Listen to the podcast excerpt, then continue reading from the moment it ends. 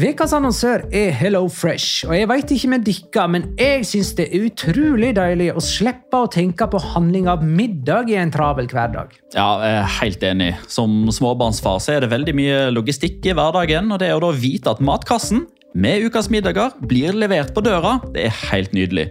Da slipper du impulskjøp på butikken når blodsukkeret er lavt, og når du kommer hjem, kan du bare ta ut posen med dagens ingredienser fra kjøleskapet og sette i gang matlaginga. Ja, Du kan velge mellom 25 ulike retter hver uke. Og de har faktisk en egen kategori som heter Raskt og enkelt, med masse enkle og gode oppskrifter. Veldig greit å ikke måtte ty til takeaway hver gang det er hektisk på jobb. Jeg gleder meg spesielt til sterk chilikylling i min neste kasse. Jeg blir sulten bare av å tenke på det. Ja, Det er ikke feil med bacon og cheeseburger heller, da. Og det som også er bra, er at matkassen koster det samme hver uke, som gjør det enklere å holde matbudsjettet. Ja, og så blir det ikke matsvinn heller, fordi du får akkurat det du trenger til hver eneste rett. Hello Fresh kan absolutt anbefales, og bruker du koden vår, LIGALOCA, kan du få opptil 1779 kroner i rabatt på de fem første matkastene hvis du ikke har prøvd Hello Fresh tidligere. Du kan også prøve koden hvis du har avslutta abonnementet ditt for tolv måneder siden eller mer. Gå inn på hellofresh.no og bruk koden LIGALOCA. Bon appétit! Hallo? Jeg kommer fra Oslo politikammer. Ine Jansen er purk. Er du purk? The motherfucking bitch. Alt jeg vil, er å finne ut hva som skjedde med mannen min. Jon Carew. Er jeg sikta for noe? Iben Akeli. Det er du. Ole So, Lars Berrum og Big Daddy Karsten. Hvem sin side er du på, egentlig? Anette Hoff, Tone Danielsen, Kommer du fra Afrika? Jørnis Josef, Nesten. Kløfta. Trond Espen Seim. Det er synd å si det, men det var feil mann som døde. Purk. Premiere tirsdag på TV2 Play.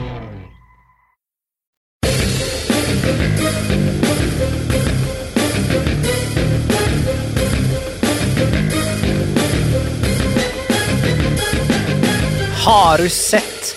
Det som så ut som en annerledes sesong, har plutselig blitt en kjempenormal sesong med ultravanlig topp fire og en ellers typisk øvre halvdel. Så vi driter i sesongoppsummering i år og viser heller til oppsummeringsepisoden i 2020, der vi erstatter alle forekomster av Messi med Pedri. La liga loca. En litt gærnere fotball. Ja, ja, ja, dette er episode Skal vi se. Dette er La Liga Loca, episode 202 av det ordinære slaget med Petter Veland, hei. Hallo! Jonas Giæver, hei. Domes, homes and more of shaloms. Og Magnar Kvalvik, hei. Hei, Magna. Hei, alle i Oslo sentrum, i Myntgata, tror jeg det heter. Rett ved Hva det heter der man pleier å se eh, ved Kontraskjæret. Kontraskjæret. Rett ved Kontraskjæret. Skal, du på som kontra, skal du på kontraskjær i november og desember, Magna? Nei. Jeg trodde du skulle si Skansen bar. Ja, det var derfor jeg begynte å uts, uts, uts, For det er det, det som pleier å skje der. Eh, ja, mm, smalltalken eh, i dag eh, Speaking of eh, Dere møtte Armenia sin landslagstrener forrige uke. Eh, han heter Joaquin Caparos. Jeg, har, jeg fulgte føljetongen på Twitter. Eh, Det var mye Det var video over alt som gikk gale, og alt som gikk bra, og til slutt et bilde av dere som håndhelse eller kosa med Joaquin Caparos på et hotell. Det hørtes ikke, ikke bra ut i det hele tatt. Men ja, det Men- var det. Var det. Ja, det, men det ble liksom bare det bildet, så jeg lurer på hva sa han? Og, og hvordan var hans reaksjon på at dere hadde trakta hele kvelden etter hans gunst? Ja, altså eh, Hele seansen var egentlig veldig kjapp, eh, og det var den fordi Jeg kan i alle fall snakke for min egen del. da, altså Ja, nå har jeg liksom eh, jobba og synsa om spansk fotball i ganske mange år, men jeg er fortsatt en Altså, jeg er jo bare en fotballidiot eh, som er lidenskapelig opptatt. Jeg blir starstruck jeg når jeg ser Joaquin Capados, spesielt etter å ha venta i tre timer eh, på ett og samme sted. Eh, Så der var det rett og slett bare å manne seg opp og bare gå bort og si på spansk eh, unnskyld, kan vi ta et bilde? Og så eh, blir jo han glad. Uh, Han ble veldig glad, ja. ja. Og så fikk jeg ikke forbifarten med meg om han spurte om vi var spanske, eller om vi snakka spansk. Jeg, sparte, jeg svarte uansett un poquito. Så enten så har jeg svart at vi er litt spanske, eller at vi snakker litt spansk. Uh, Nei, han spurte om du snakket spansk. Ja, Uh, men så var det jo han egentlig mest opptatt av å spørre oss om vi visste hvem som tok bildet. For jeg, han var jo sammen med sin assistent og sin fysio. Ja, for dette her, det var ikke en sjølvi. Nei, det var ikke en Det var noen som fotograferte dere. Det er helt riktig. Og den som fotograferte oss, det var han som var eh, fysio da Spania vant VM i 2010.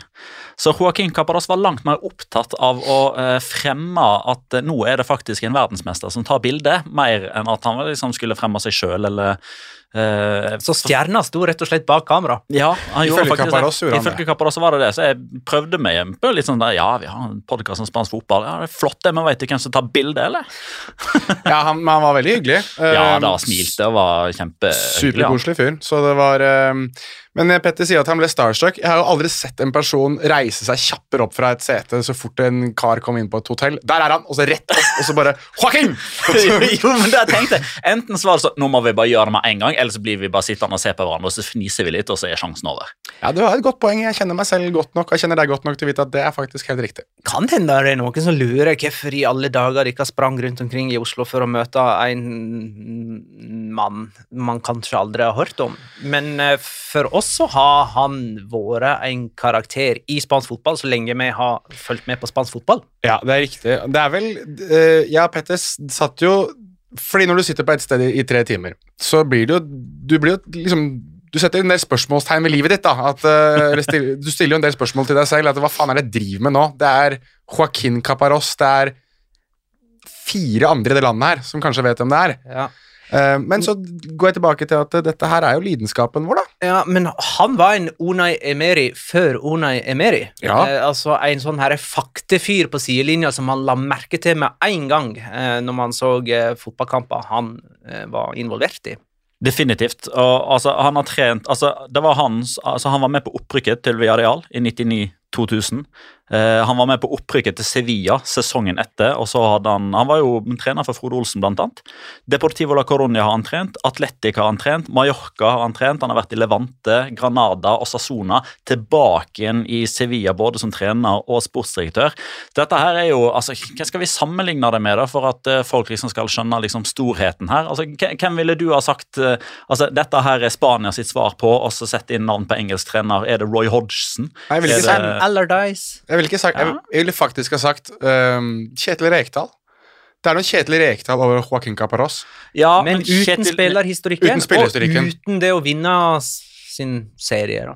Ja, men når vi snakker om det ved fakter og det å være en karakter og det å være liksom en som gjerne også er litt glad i å sparke skinnleggen på de store lagene. Nå er han åpenbart Rekdal selv en del av Ja, Det er jo det der òg skiller han Ja, seg fra Caparros. men- Han har alltid sleget nedenfra. Ja, men mange, vi har jo hevda at Rekdal også har gjort det, i hvert fall i sin senere, sine, på sine senere år. Uh, så jeg syns det, det er noe likheter der. Ja, Eh, altså han, han er den treneren i, i La Liga som har sjette flest kamper som trener. Så jeg Premier League sitt motsvar da er Steve Bruce. Steve, Bruce er, Steve Bruce er langt mer nøytral på sidelinja enn det Joaquin Caparros er. Jo da, men nå snakker vi om fakta. Nå, nå tenker jeg om hvor lenge han har vært med i gamet, og hvor mye han håper jeg, har vært i øregangene og øyesynet til de som er interessert i engelsk fotball. da. Mm, Vi kan eh, sammenligne til med dør. Nå er det runde 30, kamp for kamp.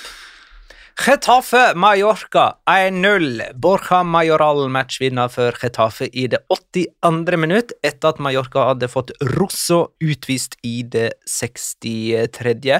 Dette var Mallorcas første kamp etter at Javier Aguirre tok over for Luis Garcia Plaza. Et eh, trekk som bare forlenga tapsrekka fra, strak, fra seks strake til sju strake.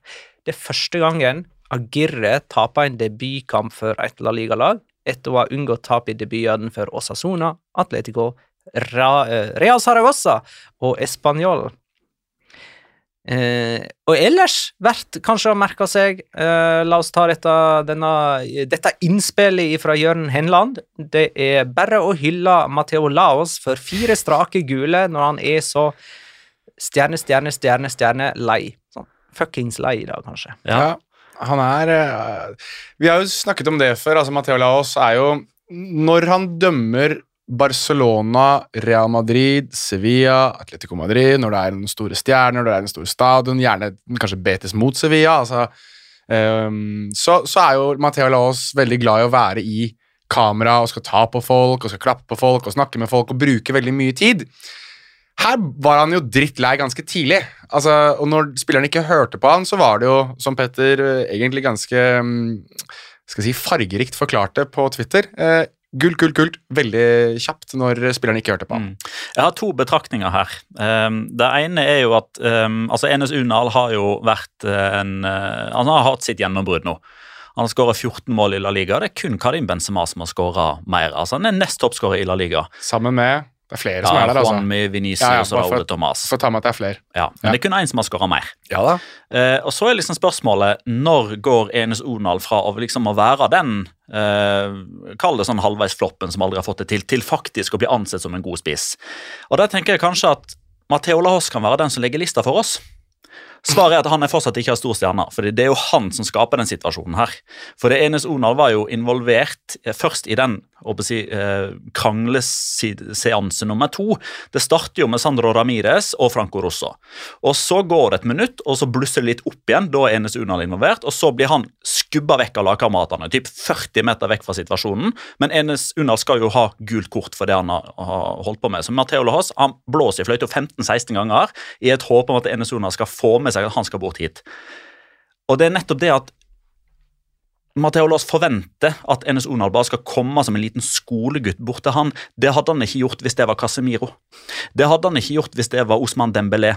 Det hadde han ikke gjort hvis det var Luis Suárez. Da hadde Matheo Laas gått bort til han, klappa han litt på skuldra og sagt sorry, altså med sånne regelboker, du må nesten få et gult lite klapp på, på, på, på kinnet, og så hadde han gått tilbake igjen. For da hadde han fått vært i søkelyset sjøl.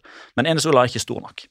Den andre tingen er Jeg så eh, dokumentaren om Matheo Laos som gikk på Movistar Pluss forrige torsdag. Den er veldig bra. Okay. Den gir svar på veldig mange spørsmål på hvorfor Matheo Laos holder på som han gjør.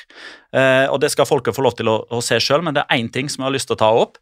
Og det er at Veldig mange mener at med rette at han er glad i søkelys og, så videre, og at han oppsøker eh, søkelyset. Men jeg har sett veldig mange som lar seg irritere av at han blunker til kamera når eh, f.eks. hvis det er nasjonalsanger, da, eh, og, og kameramannen går og panorerer først. Elleve spillere på bortelaget, og så kommer dommerkvartetten. Ja. Og da står han og blunker inn i kamera, og folk tenker at herregud, se på den dusten der.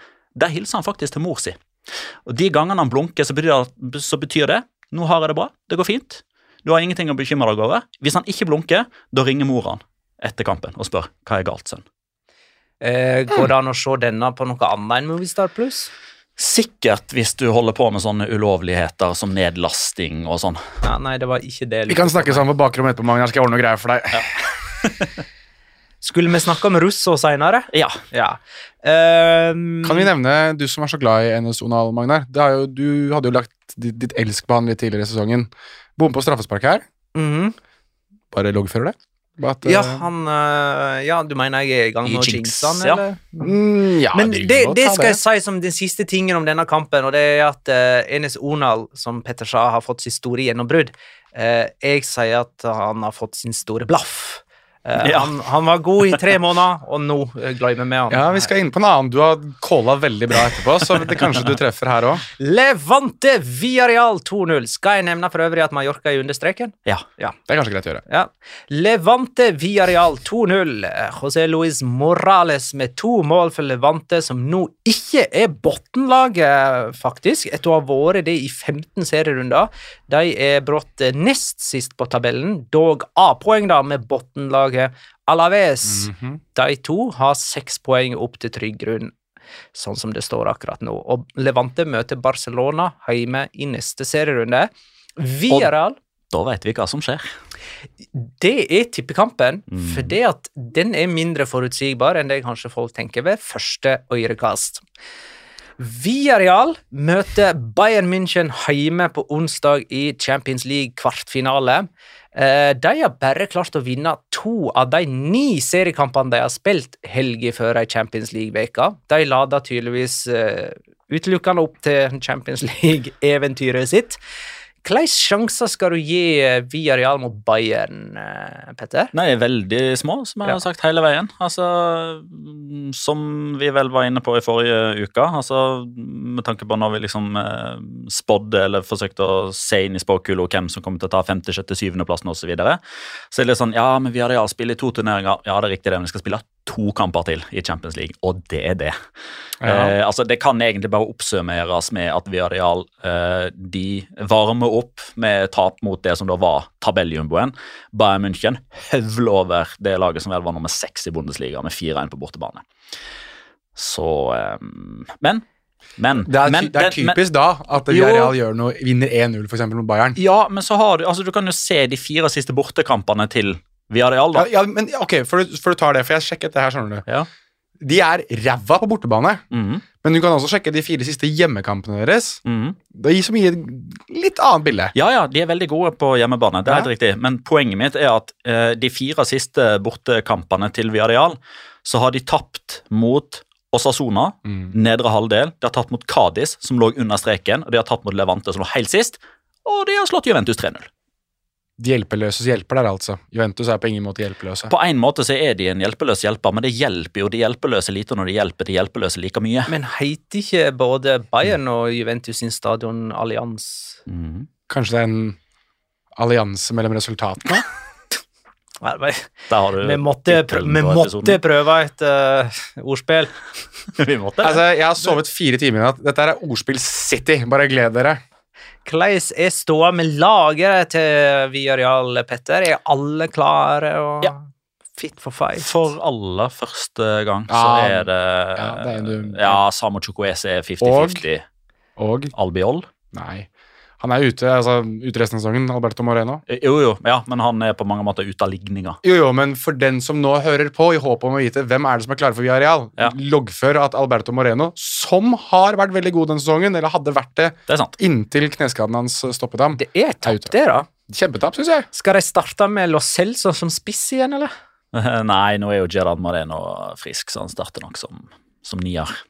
Gerard Moreno og så han Grøneveld, som eh, vi kjenner som noe helt annet. Er det noen som kaller ham for Grønnevel? Det var det han het inntil nylig. Han har, det er jo, han har jo altså Det er jo Arnaut Ja, går Danjuma, men Ja. det er jo Danjuma. Det er ikke noen som kaller han Grønnevel. Er det det?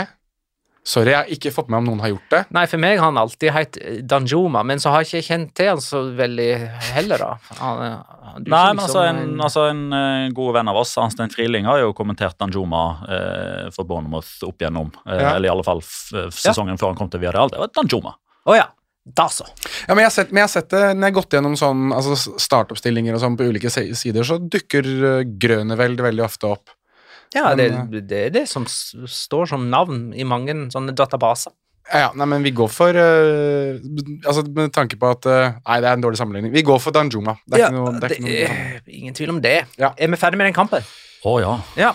Du er ferdig med den kampen, i hvert fall. Altså, skal vi, vi snakke, ja, vi skal snakke om han ene litt seinere i episoden. Ja, nå skal ikke du hylle Jo, jo. Morales skal få sin hyllest. Ja, men bare ha loggført det, at Morales skal ha to mål mot uh, Villarreal Ja, og tilbake. De Frotos var ute, men Morales var på banen. Høy moral. Yes. Celta Vigo, Real Madrid 1-2. Karim Benzema skåra på to av tre straffespark denne kampen. Nolito utligna i mellomtiden for Celta Vigo, men tre nye poeng altså for Real Madrid, som møter Chelsea denne veka. Vi kommer tilbake til det. Atletico Madrid, Alaves 4-1. Joao Felix og Luis Suárez med to mål hver for Atletico, som møter Manchester City denne veka. Det kommer vi tilbake til. Atletic Elche 2-1. Berenger og Via Libre skåra målet for Atletic. Hosan eh, skåra trøstemålet for Elche. Det var faktisk Via Libre sin første La Liga-skåring for eh, sesongen. Han har ikke skåra siden 7. april i fjor, altså eh, nesten nøyaktig ett år. Jeg så han ut som en uh, Buffalo òg, da han kom togende gjennom uh, Elche-forsvaret. Syns det var en ganske Eller ok, vi må jo kanskje si det at det, det blekner jo litt sammenlignet med, med Berenger sin akrobatiske Ja, den var fin, altså. Mm. finest, ja, tredje fineste skåringa jeg kan huske på San Mames. Nummer én er jo Adoris, som ligger vannrett i lufta i en alder av Ja. Og Inyaki Williams hadde jo et uh, Som vi så live. vi så live ja. ja, mot Valladolid. Og så er det denne her, da, som er nummer tre. Tror, jeg tror det er topp tre. Og Atletic de eh, ligger litt framfor skjema nå. De er nummer åtte. Ja, men nå skal de tape har... neste gang. De, skal, de, de har sånn De har, de har tap, seier, tap, uavgjort. Seier, tap, seier, tap, uavgjort. Ja. Mm, Det ender med at det står likt på alt, ikke sant? De er faktisk seks poeng over tiendeplassen. Og akkurat nå så er det jo Osasona som er nummer ti, så jeg er ikke helt overbevist om at uh, Atletic detter ned på den tiendeplassen de uh, på en måte har lagt beslag på. Men, uh, men det vil vel skje. Ja, ja, det skal skje. Det skal skje. Real Betis Osasona 4-1, nemlig. Eh, to mål av Juanmi, som endelig våkna etter å ha skåra Etter ikke å ha skåra i La Liga siden januar.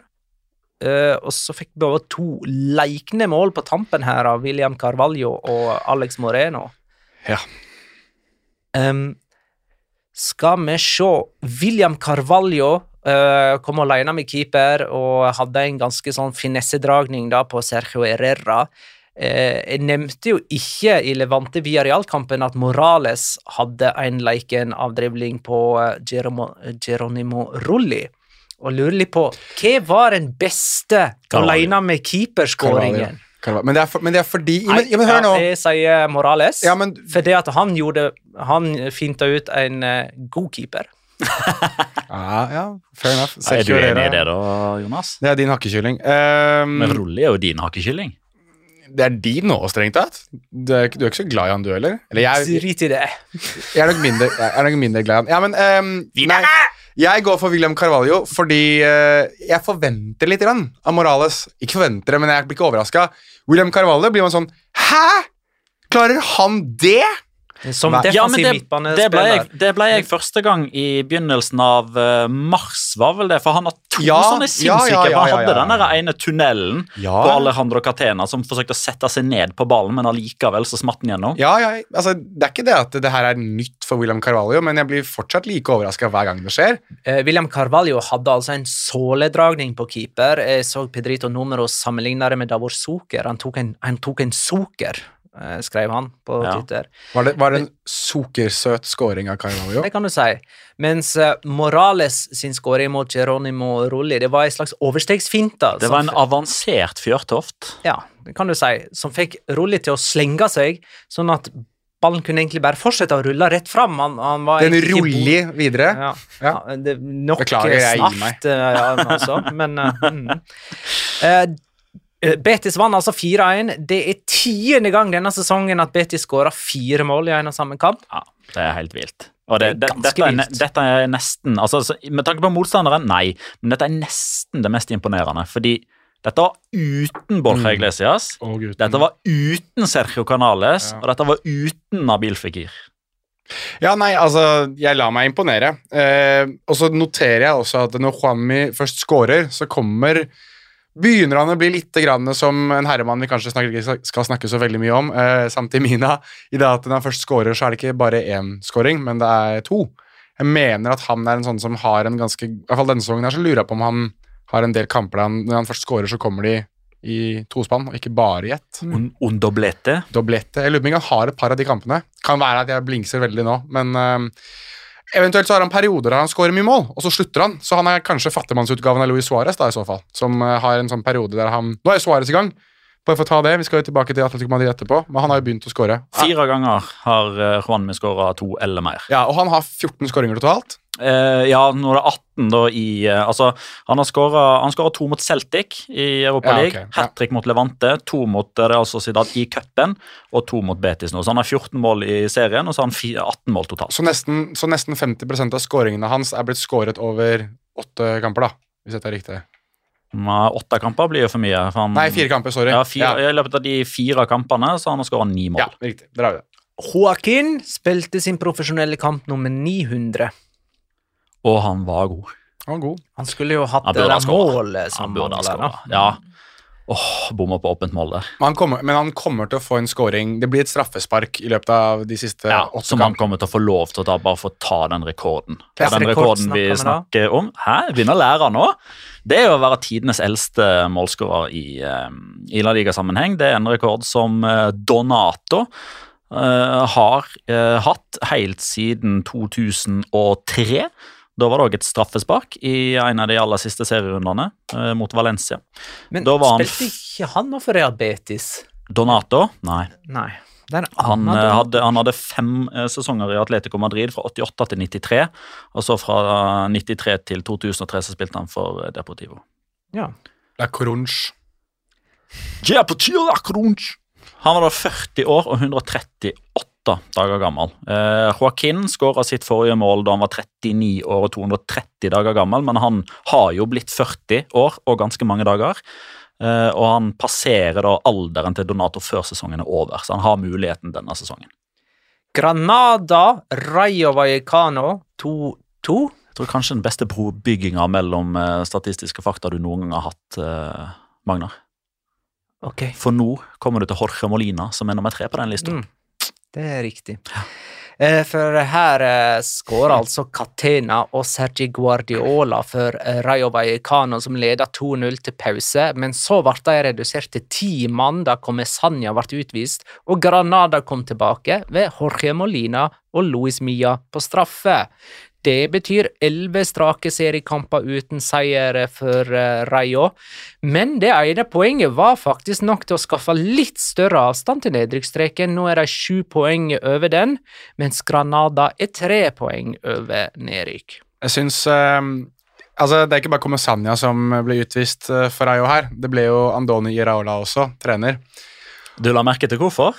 Nei, jeg fikk ikke helt med meg hva det var, men eh, Han, han hadde jo allerede fått ett gult Ja, det- det fikk. Det, det fikk han rett etter at Santi Comesania eh, ble Eller i etterdønningene av utvisninga til Santi Comesania. Og der kan jeg på mange måter forstå at han er veldig frustrert, fordi Njegos Petrovic han har to situasjoner som er klink like som Santi Comesania har. Får gult på den første, men Petrovic fikk ikke gult på den andre. Og så får Comesania to gule i løpet av tre minutter, og Andoni Raola står liksom og peker på det stedet der Petrovic da burde ha blitt utvist og peker og peker peker, gir seg ikke og får til slutt gult kort. Eh, Men så går det ti minutter til, eh, og da er jo eh, Rayo Vallecano blitt fullt til Tretafe opphøyd i Valencia med tanke på drøying. De ligger som fluer, og det skal byttes, og de skal ikke byttes allikevel. Og han trenger båre, han trenger ikke båre allikevel. Og her gjør jo produseren en fantastisk jobb, fordi etter at Hernandez Hernandez løper bort til um, Iraola og først viser det gule kortet, og så gjør jo Hernandez Hernandez noen tegn med, med hendene. Eh, da oppfatter jeg det først som at ok, han har vært utenfor teknisk sone, for det virker som at han liksom peker på den firkanten, Ja. og så peker han på Iraola igjen, og så rett opp med deg. Men et par minutter etterpå så har jo bussen og, og kampproduser har jo faktisk funnet ut hva som har skjedd, fordi eh, jeg lurer på om det var Sergi Guardiola som lå nede. Eh, han fikk beskjed av Andoni Iraola veldig sånn klart og tydelig med kroppsspråket. Det var liksom peking, peking, du, og så ned, og så, hold, og så viser han liksom Lat som at du er skada, hold deg til hamstringen, legg deg ned og spar tid. Legg deg ned og spar tid. Og dette ser Hernandez Hernandez, og han har også skrevet det inn i kamprapporten. at Grunnen til at han får det andre gule kortet, er altså indicar a una de sus jugadores que se dejase caer sobre el terreno de juego con la intención de perder tiempo. Altså, legg deg ned på gresset, fake skade, et forsøk på å hale ut tida. Det er basically dårlig sportsånd, da. Altså, Ja. så for det andre gule. Men jeg syns det var gøy, fordi at uh, tydeligvis var producer on fire i den eh, kampen her. fordi producer fant jo For øvrig den samme produser som fanga opp han idioten som uh, slang rasistiske bemerkninger til Carlos Acapo. Altså, det må, det må bare si, da, at producer på Granada sine hjemmekamper Faen, MVP denne sesongen, ass. Han er starman, men han Hører du statistikk på disse produserne, Petter? Nei, men uh, begge kampene ble spilt på Las Carmenes, og de har faste Ja, det, det er Ja. faktisk sant. Ja. Det, ja, Han er iallfall uh, såpass burde jeg faktisk vite siden han har vært der. Det er dere som er uh, TV-folk. Uansett, um, jeg syns det var gøy at han fant uh, Andoni Iraola oppe på tribunen. da han sto sammen med en gutt, altså jeg gjetter på at det er sønnen hans eller sånt, da, som sto med en telefon. Og de begge, altså Hans sønn står jo liksom og bare ser på, på Iraola litt sånn småredd, mens Iraola står og hyler inn i den telefonen som de åpenbart har på høyttaler. Når det da blir straffespark, så står jo Iraola nesten og river seg i håret.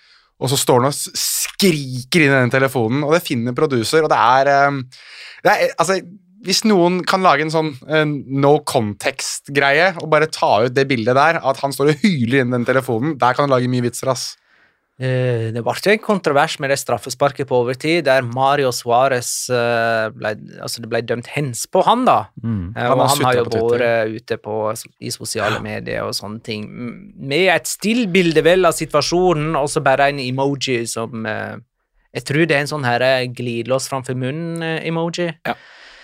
Eh, men eh, var den så eh, Akkurat den hendelsen der Er ikke det eh, eksempel 426 på spansk fotballspiller eller klubb som er på sosiale medier og klager over ting de ikke trenger å klage over? Jo, det var det. Han Altså- hadde den hånda ganske høyt oppe. eh, det, og Ja, den var over hodet. Ja, eh, og det, det var kanskje litt sånn vanskelig å se om ballen faktisk var i hånda, men jeg syns det så sånn ut. Ja. Så straffe ble det. Eh, liten hyllest til eh, Hernandez Hernandez, eh, sånn speaking of the devil, som altså da dømte dette straffesparket, da. Eh, antall eh, fotballspillere på hjemmelaget som fikk gult kort, fire. Antall eh, spillere på bortelaget som fikk gult kort, seks. Deriblant to da, til Santi Comesania som fikk eh, utvisning. Og så kommer det som er gøy. Antall i støtteapparatet til Raja Vallecano som fikk gult, fem. Hovedtrener Andoni Rola fikk to. Assistenttrener Miguel Ángel Ortiz fikk ett. Begge fysioterapeutene fikk. Han tok en Matheo Lahos. Gult, gult, for han hadde ikke, de hadde ikke fått lov til å gå ut på banen. Ja, Dette var for øvrig kom springende inn på banen, ja, dette var for øvrig i, i samme liksom, stopp i spillet som Andoni Iraola ble utvist. Og så topper det seg da med at David Corbenio, den tidligere Rayo-keeperen, han har jo nå blitt sportsdirektør, han kan vente seg en ganske saftig uh, utestengelse på minst fire kamper for å ha vært uh, slåsseklar i garderoben etter kamp. Dette, kan vi nå uh, bokføre at dette er La Ligas nye shithouser i lag? Altså sånn, er de Rayo? Ja? De, så De har det i seg. Fikk, det var veldig desperat i denne kampen her. Ja, jeg bare tenker at uh, altså et eller annet sted som sitter uh, Ivan Cuellar er klar for å signere for dem, liksom. Det, er, det kan ikke være langt unna nå. Ja, altså, Engelen Ivar. Ivan. Engelen Ivar, ja.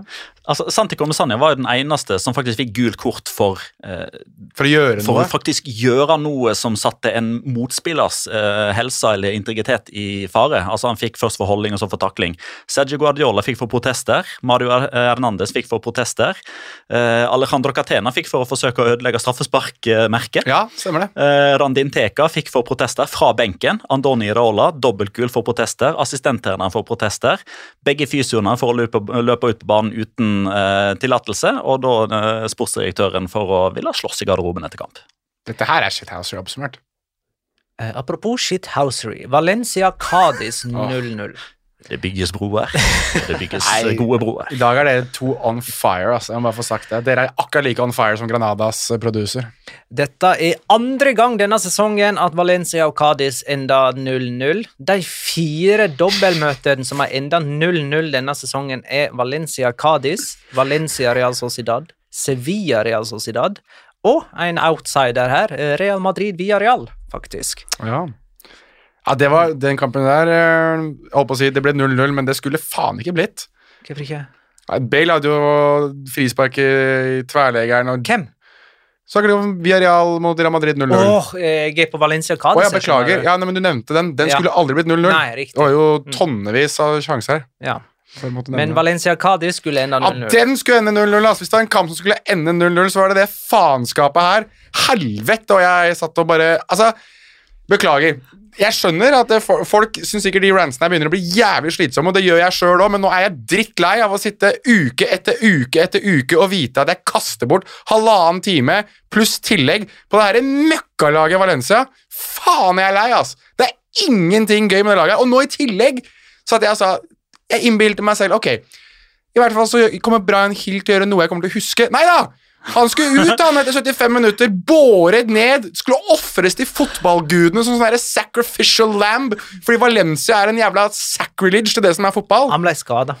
Ja, men, altså, det, ja, men altså, det, Den snappen som du sendte til meg på slutten av kampen, der, den burde du egentlig ha publisert på Twitter. for der har Du liksom, altså, du sitter og synger på 'Hello Darkness, My Old Friend', og så zoomer du mer og mer inn på 0-0, og så bare ender videoen med 'Å ja'.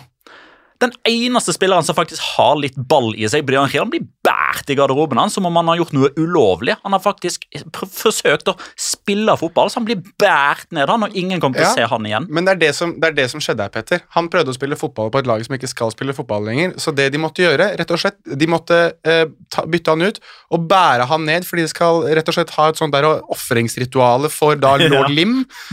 Og det er én person som nå ofres og ikke ses igjen, og det er Brian Hill.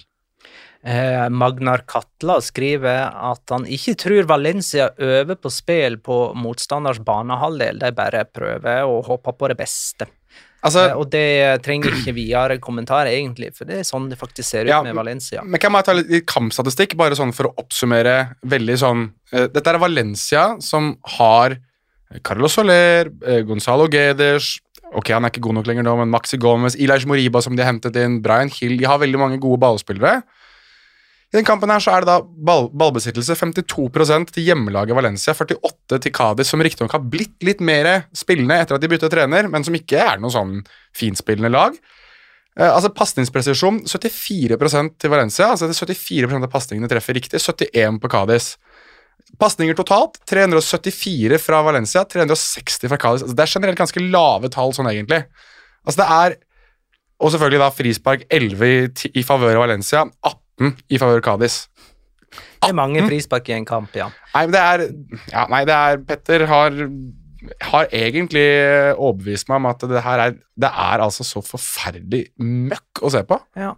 Kadis har tatt 14 poeng med 10 kamper med, eller på 10 kamper med Sergio som trener. De tok 14 poeng på 20 kamper med Servera som trener. Så det trenerbyttet der har ser ganske positivt ut. Ja, det skal vi ha. Barcelona-Sevilla endte 1-0 med Pedri som eh, matchvinner. Den som vi snakka om, eh, om eh, få straks, jeg skal bare nevne at Real Sociedad Español har ikke blitt spilt enda mens vi sitter i studio. Den blir spilt mandag klokka 21, så da slipper Jonas å rente om Real Sociedad og skremme vekk fans derifra. Den ender 1-0, 0-0 eller 0-1. Så er det det. eh, altså, Diego Lopez står ikke i mål, og Raúl de Tomàs er ikke med, så den ender 1-0. Ja, skal vi ta Barcelona-Sevilla 1-0, da? Et resultat som betyr at Barcelona spratt forbi Sevilla på tabellen og er nummer to Uh, for første gang denne sesongen. Så høyt har de aldri vært. Og etter 21 serierunder så var jo Sevilla 13 poeng framfor Barcelona. Sånn går det når du bare vinner to av ti kamper. Eh, men eh, de så egentlig tidvis ganske bra ut på kamp nå, Sevilla. Syns det. I Det- første omgang spesielt. Ja, de, de, de hadde noen saftige overgangsmuligheter der som de kunne og burde ha, eh, ha prestert bedre på. Um, jeg veit liksom ikke helt hvor jeg har Sevilla nå, så jeg har liksom forsøkt å finne de der formildende omstendighetene hele veien, da, med skadeproblemer osv. Men spørsmålet er liksom hvor lenge kan man hvor lenge kan man holde på med det? Altså det er alt, I alle fall jeg, da. Det må jo erkjenne med at der er jeg i ferd med å bli motbevist og ta feil. Jeg har liksom tenkt at hvor, altså, hvor mye kan man kritisere et lag som da faktisk bare eh, taper to-tre kamper i løpet av en sesong, er nummer to? Ganske klink. Men det er de jo ikke lenger. Altså Nå er de nummer fire. Og nå har de begynt å få spillere tilbake igjen. Og det er den samme tingen som går igjen sesong etter sesong etter sesong. etter sesong. Det har ikke noe å si om det er Lopetegi, om det er Sampaoli, om det er Emeri, om det er Caparos, om det er Berizzo, Montella. Har ingenting å si. Borte mot Atletico, borte mot Real Madrid, borte mot Barcelona. Det blir ikke seier.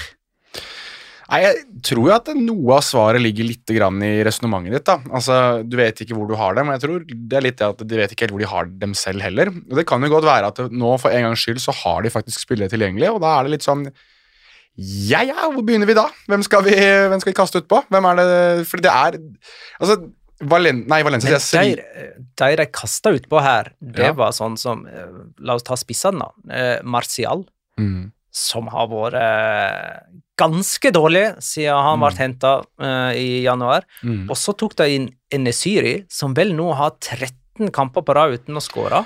Ja. Mens Rafa Mir blir sittende. Ja, men igjen, da. Det er, dette er jo poenget mitt. At de, de har altså så stor bredde i troppen. Hvis de har spillere på så ekstremt mange posisjoner som kan spille så ekstremt mange ulike roller i Altså en, en startoppstilling bare sånn, altså NSY kom inn. Ja. Ja. Ja, det gjorde jo Rafa Mir òg. Å ja, han kom inn, han òg, ja. Ja, men altså, de, de tre som starta, var jo Lucas Ocampos, Antony Marcial og Erik Lamela. Altså, de, de starter jo egentlig uten spiss.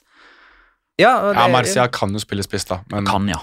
Men han er, han er, han er best ute til venstre i en 4-3-3. ja, men, her, men dette er jo poenget mitt. Altså, poenget mitt er at de har så mange spillere som kan spille så mange ulike roller, og de har så mange spillere, og plutselig er alle spillerne tilgjengelig.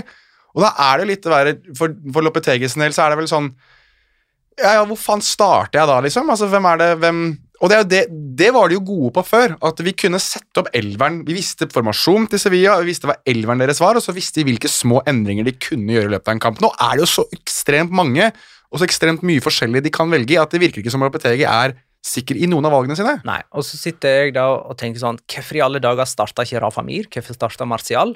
Og så når det første byttet på spissplass kommer, så er det Enesyri som er helt ute av form, som kommer inn. Og så kommer Martial inn i det 82.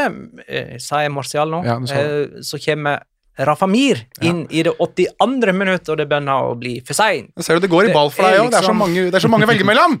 Den beste spilleren eh, er liksom lengst bak i rekka. Jeg skjønner ikke det der. Ja, Den jeg syns var rart at de ikke starta, var eh, Jesus Corona. Hvorfor skal Erik Lamela starte istedenfor Jesus Corona når Corona har kanskje vært den beste angrepsspilleren for Sevilla de siste jeg skal si, fire-fem serierundene, eller? Ja. Men eh, skal vi ta fokus på Barcelona, da?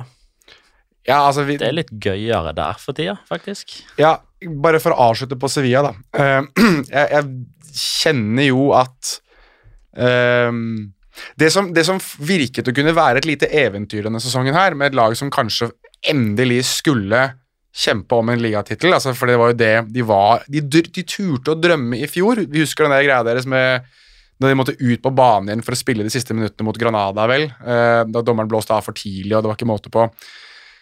Fra å gå til det og liksom være liksom kamphaner, og nå skal vi virkelig kjempe for dette her, til å være veldig gode innledningsvis i år denne sesongen her, og, og nå faller de som fluer, liksom. Altså, de, er, de har bare latt seg tråkke på av overmakten, og de Hvor mange kamper var det nå uten seier? Ikke ganske mange? Ja, mot disse store, ja. Eh, altså, de har ikke Eller uh, mener du Nei, ok, det er, vi må ikke lenger tilbake enn der. De har ikke vunnet De de siste to, fire. de har men ja. to seire på de siste ti Der har vi det. For Det de var- har, har spilt så veldig mye uavgjort. ja, det var statistikken jeg så etter. Også, ja, og så- ja, og vant de jo bare én av de siste da, fem i Europa. Eller én av seks i Europa, Ja. hjemme mot West Ham. Det er i hvert fall uh, veldig mange varselslamper som burde gå på Ramón Sánchez Pizjuan, mener jeg. Eh, ikke det at de skal sparke Lopetegi, vi er ikke der, men det er, kanskje på tide å ta en litt sånn State of the Union nå, eller? Eh, kanskje.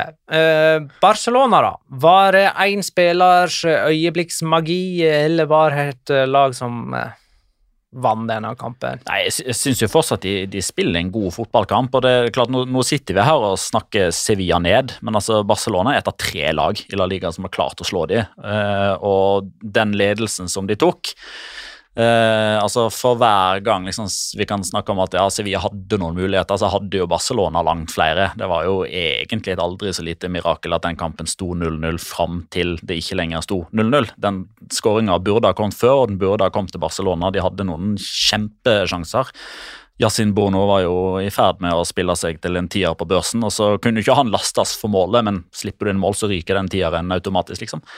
Um, og det, det er mange som melder seg på i litt sånn rekkefølge her nå. Uh, altså I El Clásico så var alle dritgode, sånn bottom line, men eh, altså jeg syns Ferran Torres har eh, Han har hatt en periode der han var den som liksom eh, tok tak. Uh, Du har Aubameyang uh, som tok tak en periode. De Jong har reist seg, altså Araujo bak der.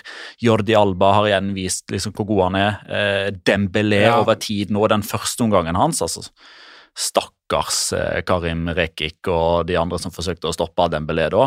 Og til slutt så er det bare én mann vi sitter igjen og snakker om, og det er Pedri. Mm, Markus Thomassen Koteng spør. Noen midtbanespillere i verden som er bedre enn Pedri for tiden? Eh, For vi har fått mange spørsmål om han er den beste midtbanespilleren i La Liga. Mm. og det blir litt for enkelt å svare på. Det blir litt for enkelt.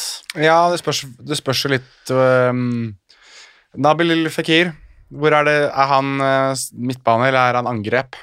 Ja, han er midtbane. Ja, da er jeg Nabil Fikir foran. Ja, jeg har Pedri foran Nabil Fikir. Han er nummer to hos meg. Nummer tre som. Luka Modric nummer tre. Jo, men Pedri løfter jo eh, hele laget fordi at han, han er med på å spille de andre gode. Nabil Fikir er mer en sånn her eh, individualist, er ikke han det? Da liker jeg tydeligvis individualisten bedre enn jeg gjør eh, lagspilleren akkurat nå. Det gjør du. Men samtidig så er det jo liksom ikke til å komme utenom heller, da, at Uh, hvis, hvis man ser veldig stort på det, da har liksom tatt en rask kikk på resultatene, og dermed så kan jeg stå inne for det, men man kan sikkert peke nesa og si at jo, men han var med på den, og så var han ikke med på den. Men Barcelona sin dårlige periode samsvarer med den perioden Pedri ikke spilte. Barcelona sin eh, oppstandelse samsvarer mer eller mindre med det øyeblikket Pedri var tilbake fra skade. Jeg tror det ligger noe der altså, som, eh, som ikke skal eh, undervurderes i det hele tatt. Pedri dependencia. Nei, det, der er vi ikke ennå, fordi de har ganske mange andre som er veldig gode. Eh, og så føler jeg at den, den der dependensiaen, den, den har det gått litt innflytende inflasjon i, og jeg har vært med på det, fordi jeg har kommet med sånne ordspill. Men jeg føler det er litt sånn I klubber som Betis, Fekir dependencia, eh, Celta, Aspas dependencia, Levante, Morales dependencia, bla, bla, bla. Der er det mange rom for en sånn. Ja, men der har du det unike med Lionel Messi. At han er, var så vanvittig god at selv en klubb av den dimensjonen som Barcelona er, kan være dependencia. Eller ha dependencia. Er det, er det da, bare for å få inflasjonsbegrepene ut av Skal vi begynne å snakke om ja, Bordaleta, Chavineta, Scalaneta Hva tenker du, Petter? Agireta. Agireta. Barcelona møter Eintracht Frankfurt i Europaligaen på torsdag. Store favoritter, må vi kunne si. Ja, Jens Petter Hauge mot Ja. Barcelona. Mm. Spennende. Mm. Spennende. Og så kommer Barcelona dauslettende til Valencia og møter Levante på, på søndag. Ehm, Chelsea er Real Madrid sin motstander på onsdag. Da snakker vi Champions League, og den kampen går altså på Stamford, Bridge. Ehm, Real Madrid hadde sin ydmykelse rett før landslagsveka med 0-4 for eh, Barcelona, mens Chelsea hadde sin ydmy ydmykelse denne helgen med 1-4 for Brentford. Det, det høres vel hakket verre ut, eh, tross alt. Det gjør det.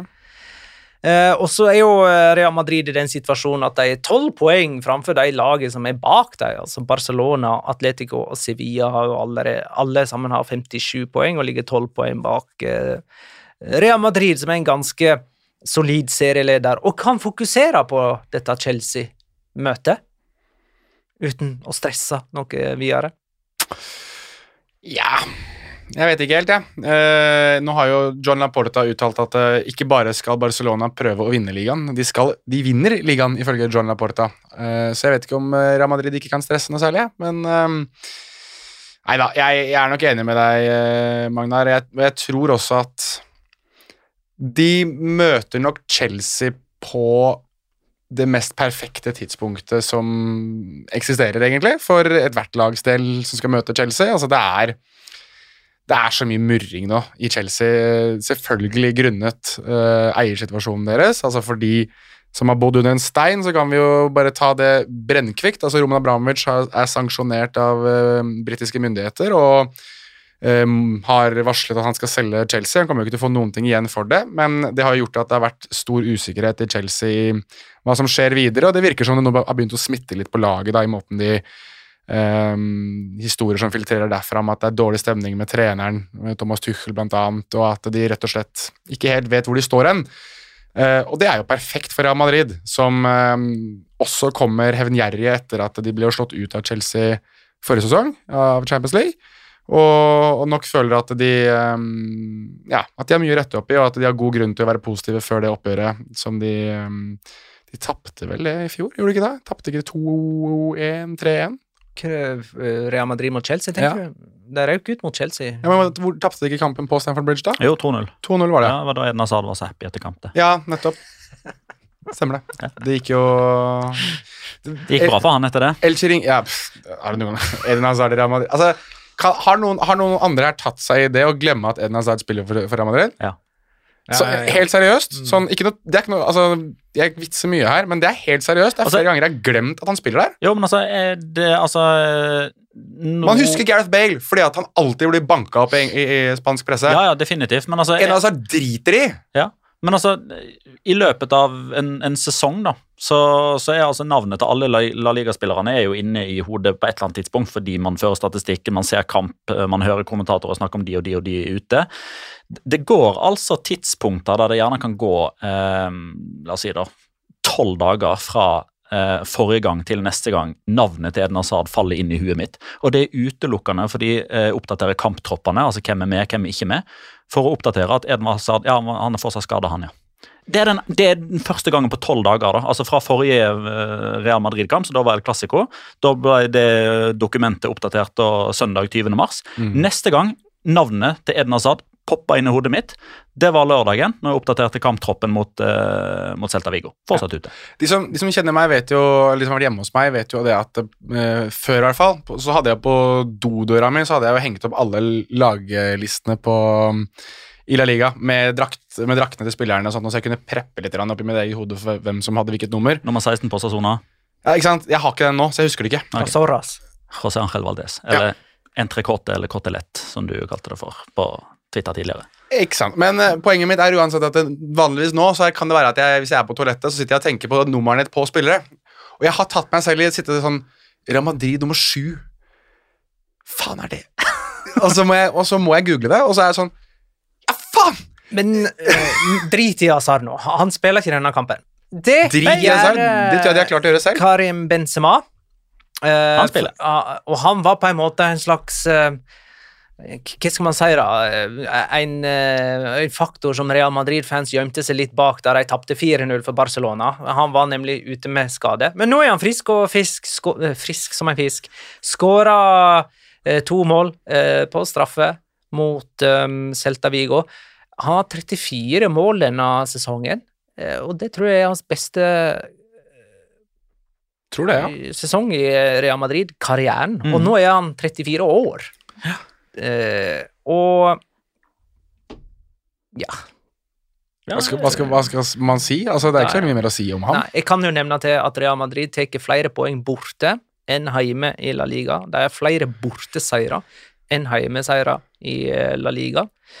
Og man, mannskapsmessig, da, bortsett fra Eden Hazard, som får noe å bry seg om, eh, så, så ser det jo veldig bra ut. Altså, Benzema spilte 90 minutter, var god. Følger Mendy spilte 90 minutter og bidro med å få et straffespark han kanskje ikke skulle hatt. Ja, han spilte heller ikke El Clásico. Nei. Nei. Eh, Så, så der ser det veldig bra ut nå. Og med tanke på at den kampen nå spilles i London, og med tanke på litt sånn tidligere egentlig Real Madrid-historikk, men òg litt sånn mer konkret Angelotti-taktikk, som for øvrig ikke var i Vigo fordi han satt hjemme med covid. Eh, Så det var sønnen som på papiret eh, ikke var sjef, for han har ikke trenerlisens. Eh, Men det var han som håper jeg, mottok instruksene fra sin far og delegerte de videre. Jeg syns det lukter sånn som det ofte pleier å gjøre, da, fire på midten og Valverde inni, og så ellers er det de, de samme gamle som starter. Um, I oppgjøret mot Celta Vigo så fikk Real Madrid tre straffespark, og det er første gang siden 1950-tallet at de får tre straffespark Ta som... Den, alle dere som mener Real Madrid får tre straffer i hver kamp. uh, Og hva var det Iago Aspas uh, sa etter den uh, Ja. kampen? Det, det eneste som manglet, var at, de, at dommeren ikke gikk fram sjøl for å ta et av straffesparkene. Ja, Eller det, var første, det var første delen. han sa, og, og det som var, var litt interessant, da, at han, han refererte jo til han med, med fornavn, ikke disse vanlige dobbeltetternavnene, som man jo egentlig per definisjon skal gjøre, fordi han er en autoritet. så Da skal du tiltale han med dobbeltetternavn. Eh, han sa bare Pablo, som jo Pablo Gonzales Fuertes heter. Eh, han sa at eh, det virka som at eh, Eller det eneste som mangla, var at Real Madrid skulle få et fjerde straffespark, og så kunne Pablo gå fram og ta den sjøl.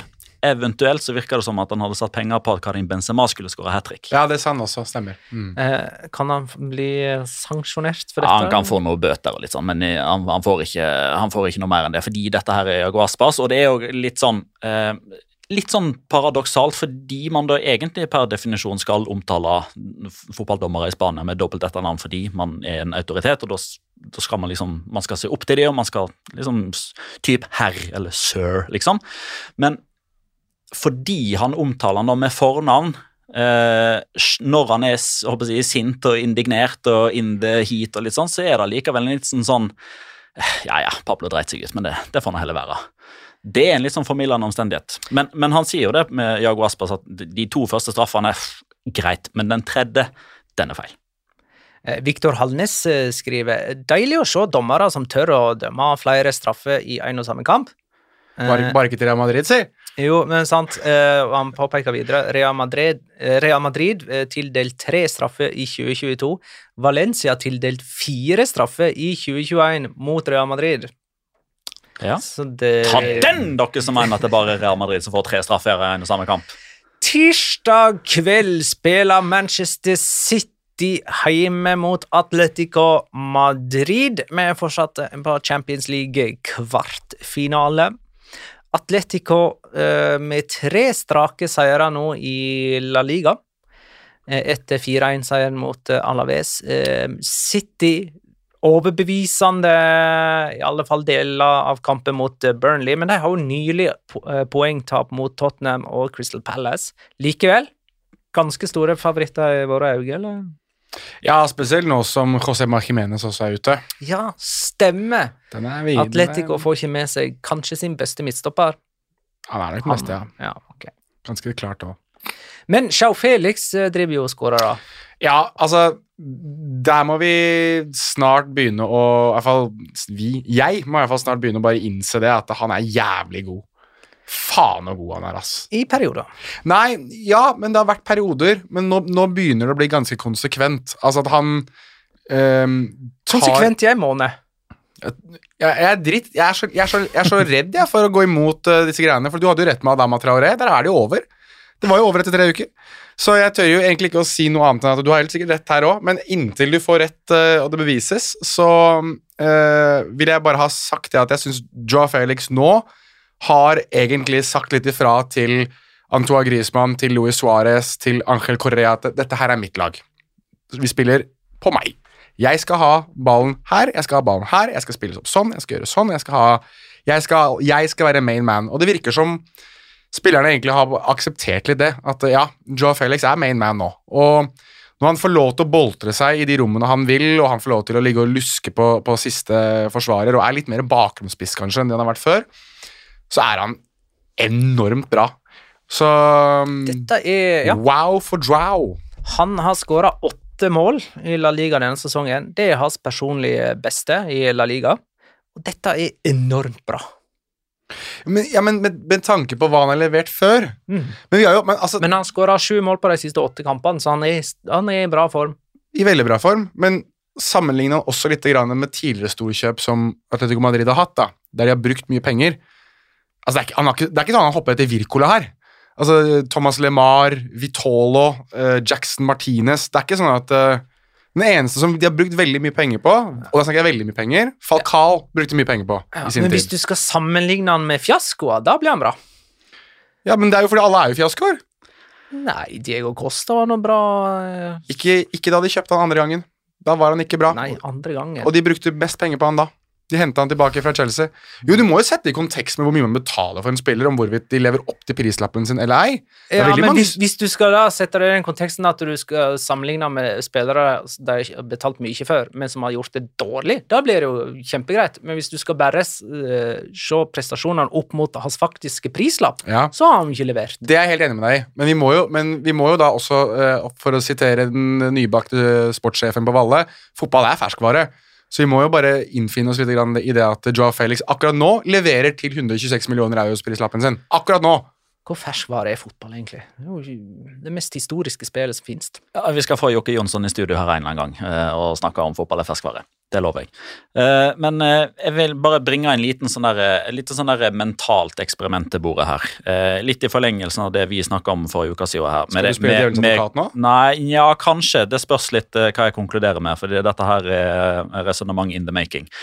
Men litt sånn Vi snakka om det. Jeg vet ikke om du fikk med deg så mye av det. Da, for jeg så at da var du veldig nede i manuset eller i kjøreplanen forrige gang vi snakka om det. Men dette her med hvor fort ting setter seg i en sesong. altså Hvis du opparbeider deg et forsprang tidlig i sesongen, så skal det veldig mye til for at det liksom endrer seg. At folk husker veldig fort liksom, De danner seg en mening tidlig i en sesong, og så forblir den. Man skal ikke gå vekk fra utgangspunktet sitt, tabelltipset sitt og sånne type ting. Samme gjelder i en fotballkamp. Hvis man scorer tidlig, da konkluderer man etter 90 minutter med at han var bra, fordi han fikk en god start. Og jeg tror vi, vi, vi, vi er litt inne i den fasen der at vi kanskje blir litt blenda av at Joao Felix nå har skåra veldig mange tidlige mål, som gjør at man alltid har snakka godt om han i lang tid. Det har vært sånn eh, Han, han, han skårer etter fem minutter, og så drar han noen overstegsfinter, og så skaper han litt sånn i, i, første omgang og er ganske god, og så dabber han litt av utover i andre omgang, men det var jo han som sendte Atletico Madrid i ledelsen, så vi husker han for det Ja. gode. Sammenligna med eksempel, hvis han hadde spilt 70 dårlige minutter og så hadde han skåra et mål og blitt tatt av, så hadde det sånn, ja ja, han gjorde noe opp for seg da når han skåra mål. Da sitter man igjen med en helt annen altså, Måten vi vurderer Joao Felix på nå, blir veldig prega, tror jeg, av at han skårer veldig tidlig i kampene, og det setter forutsetningene for hva vi tenker om han i resten av kampen. Ja, det er riktig, men jeg var vel også den som sa det, og, lagde egentlig en sånn flosklete vits om det, om at Joao Felix har begynt å skåre tidlig i kampene, slik at han slipper å bli kritisert for det som skjer utover i uh, kamper. At det, det bare alleviater alle som kan kritisere. Men, Men, men jeg syns han ser bra ut. Altså, jeg, jeg, syns, jeg syns han involverer seg mer i spillet. Før så gjemte han seg veldig mye i kamper og kom litt dypere for å hente ballen. og ser det ut som han har en mer markant rolle i måten Atletico Madrid angriper på.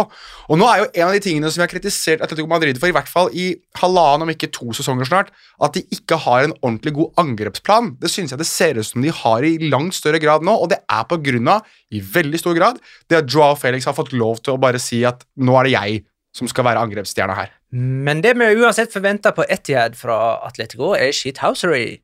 Ja, ja, ja, ja, ja, er du gæren? Og da kan vi kåre rundens spiller.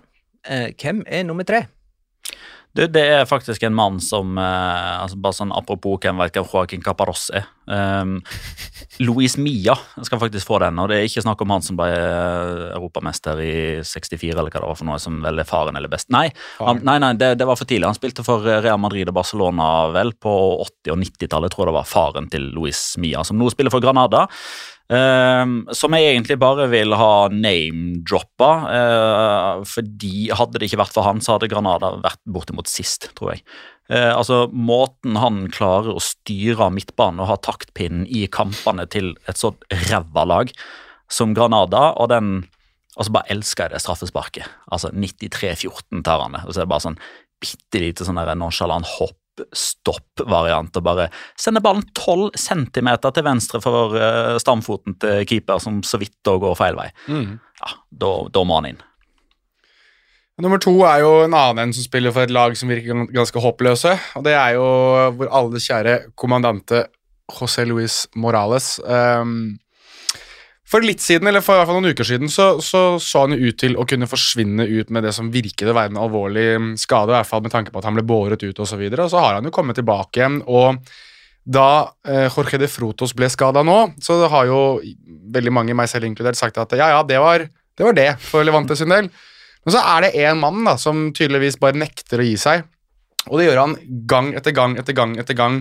Litt sånn Begynner å få litt sånn Jago Aspas-vibber av han, at det er sånn The Great Escape-takter fra José Luis Morales. Og her Ikke det at jeg syns Levante leverer noen sånn wow-kamp, men han er best når det gjelder. Og har to Førsteskåringen hans er jo Det er ikke Golazos.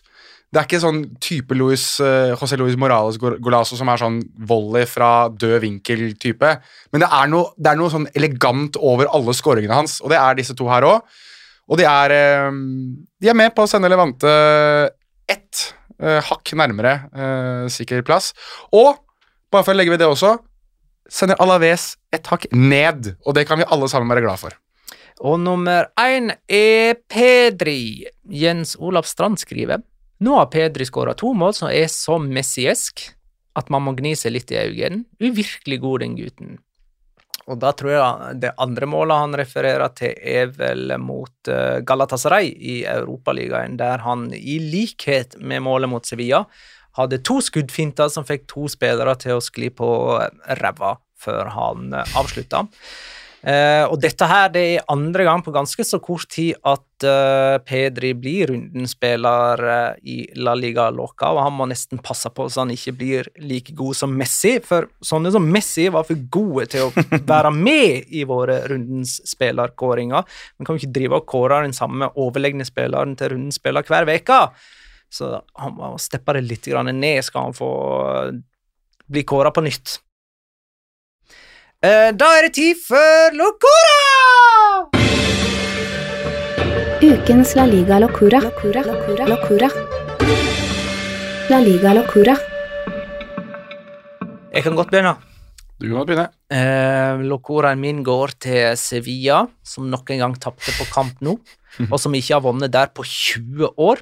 De vant der sist i 2002, og nå har de altså 13 strake sesonger uten seier borte mot verken Real Madrid, Atletico eller Barcelona. Og det er altså mange lag fra dårlige til middels som har vunnet på de stadionene der i den samme tidsperioden. Skal vi prøve å komme på noen? Uh, Cádiz slo Real Madrid borte. Ercoles og Valencia har vunnet borte mot Barcelona. Jeg syns det er litt sånn trist at du le- Valencia og Ercoles det samme. Mallorca slo altså, Atletico på Wanda Metropolitano denne sesongen. Jeg, jeg tror det bare er Real Sociedad, eh, som er en klubb av en viss størrelse, som er liksom sammen med Sevilla. der. Hva Nei, Real Sociedad slo eh, Real Madrid på Santiago Bernabeu. De. Det har de faktisk gjort to ganger de siste Ja. årene. Ja. Mm. Nei, Nei, de, er altså, alle, Sevilla alle er har gjort det. egen klasse Ja. på, på det der. De er det. Betis. Betis har jo slått både Real Madrid og Barcelona samme Mm. sesong, faktisk. Um, og de har ennå ikke spilt på Wanda Metropolitano denne sesongen. Uh, og Det er litt typisk. Sevilla hadde altså 15 strake seriekamper uten tap. Eh, Den rekka starta etter at de tapte på Santiago Bernabeu, og stoppa da de tapte på Camp Nou. Klassisk. Det er for øvrig serierunde 37. Atletico Madrid-Sevilla. Battle for fourth, Mm. maybe? Nei. Maybe. Eh, Petter. Eh, vi skal tilbake til eh, Retafe Mallorca, og det har jo naturligvis eh, med kort å gjøre, eh, som det ofte blir. Og vi skal jo naturligvis da inn på Franco Rosso. Eh, han, han hadde vel Jeg vet ikke om han hadde Locora Nei, han ble rundens spiller, han faktisk. Uh, I en sånn ekstremt ironisk eh, variant. Nummer tre. Borte, sånn. borte mot Viadial. Uh, For da skåra han sjølmål. Han ble utvist og lagde straffespark. Og argentineren han har ikke spilt ett eneste minutt siden før han da var i startoppstillinga i Javier Aguirre sin første kamp som Mallorca-trener. Eh, Det var jo fordi eh, både Jaume Costa og Antonio Raio var ute med suspensjon. Martin Valjent ble skada i etterkant av landskampen mot Norge, så her måtte alle kluter til. Franco Rosso fikk lov til å starte igjen. Han var jo for øvrig da en av de fire som fikk gult av Matheo Lahost, og han bare 'du skal ha gult, du skal ha gult, du skal ha gult og du skal ha gult'. Og så får han jo dette, eh, denne straffen imot seg etter VAR, som Matheo la oss ut og kikke på, får sin andre gule korter for å stoppe en avslutning som er på vei mot mål med armen. Så i, eh, i kamp i debutkampen og etter det, den trippelvarianten der, så blir han da utvist og lager straffespark imot, og Mallorca taper eh, kampen pga. han. Så det betyr eh, at neste gang Franco Rosso er i aksjon, som da altså ikke er neste helg, for da er han suspendert, da jakter han La Liga-rekorden til Alberto Lopo. Fordi eh, i november og desember 2003 så klarte Alberto Lopo det kunststykket å bli utvist i tre kamper på rad for Español. Hjemme mot Sevilla, hjemme mot Osasona og hjemme mot Barcelona. Og i den kampen mot eh, Barcelona så var han for øvrig en av seks mann som ble utvist. Så lykke til, Franco Rosso. Ja, jeg øh, gjør noe så sjelden som å ta, et, øh, ta en tur ned, jeg. eh, I divisjonssystemet i Spania til Segunda. Der skjedde det jo en, en liten hendelse for Girona som jeg, på Montelivi som jeg syns var ganske festlig. Jeg, jeg hører at Petter har fått det med seg, men alle husker jo, alle selvfølgelig, husker jo Samo Saiz, som uh, var på lån i Getafe. Uh, ble vel Leeds-legenden. Leeds-legenden, ja, der de hadde det fantastiske banneret Size Matters. Um, men uh, han ble jo byttet ut i det 36. minutt av Mitchell, selvfølgelig, som er trener for Girona. Um, svarte med å ta av seg drakta, kaste den opp mot tribunen der Mitchell sagt og hyle 'Du er en klovn!' Til uh, Mitchell, han som var Retafe-trener? Nei, uh, Nei, han er- som var Wesca-trener og Rayo-trener, blant annet. Vi har, blant, vi har stilt spørsmål rundt hvorvidt han har fått sparken ennå en del ganger også. Begge to har vel fått sparken ved flere anledninger. Ja. Uansett, eh, fly forbanna, tatt av banen. Han eh, ja, var rett og slett ikke spesielt god. Eh, hvorpå Mitchell da ble spurt etter kampen eh, hva han tenkte om uh, demonstreringen av forbannelse fra Samosais. Da sa han at uh, skjønner han godt, jeg hadde også vært dritforbanna hvis jeg hadde levert det greiene han leverte de siste 36 minuttene. Så det jeg må bare få sagt. Ti av ti comeback fra Mitchell på, på det der. Eh, vi skal tippe, og vi har ikke gjort det siden eh, El Clásico, der eh, alle trodde at Real Madrid eh, enten skulle vinne eller i alle fall ta poeng. Uh, Ståa er sånn at jeg har 28 poeng, Jonas har 19 og Petter har 17. Uh, neste kamp er Levante Barcelona søndag klokka 21. Og jeg kjører safe og sier 1-2 med Araujo som første målskårer. Pe eh, det er ikke Petter, men Jonas sin tur, Ja, jeg faktisk. syns det er like rart hver gang. Um, 0-4. Åh. Obama Rama. Aubameyang. Jeg tar uh, 2-4 av Morales. Alle tipper Barcelona sier det er ikke så veldig overraskende, men det kan hende vi blir overraska akkurat her. Ja. Greit, da, da runder vi endelig av. Eh, takk for at du lytta, kjære lytter. Ha det, da.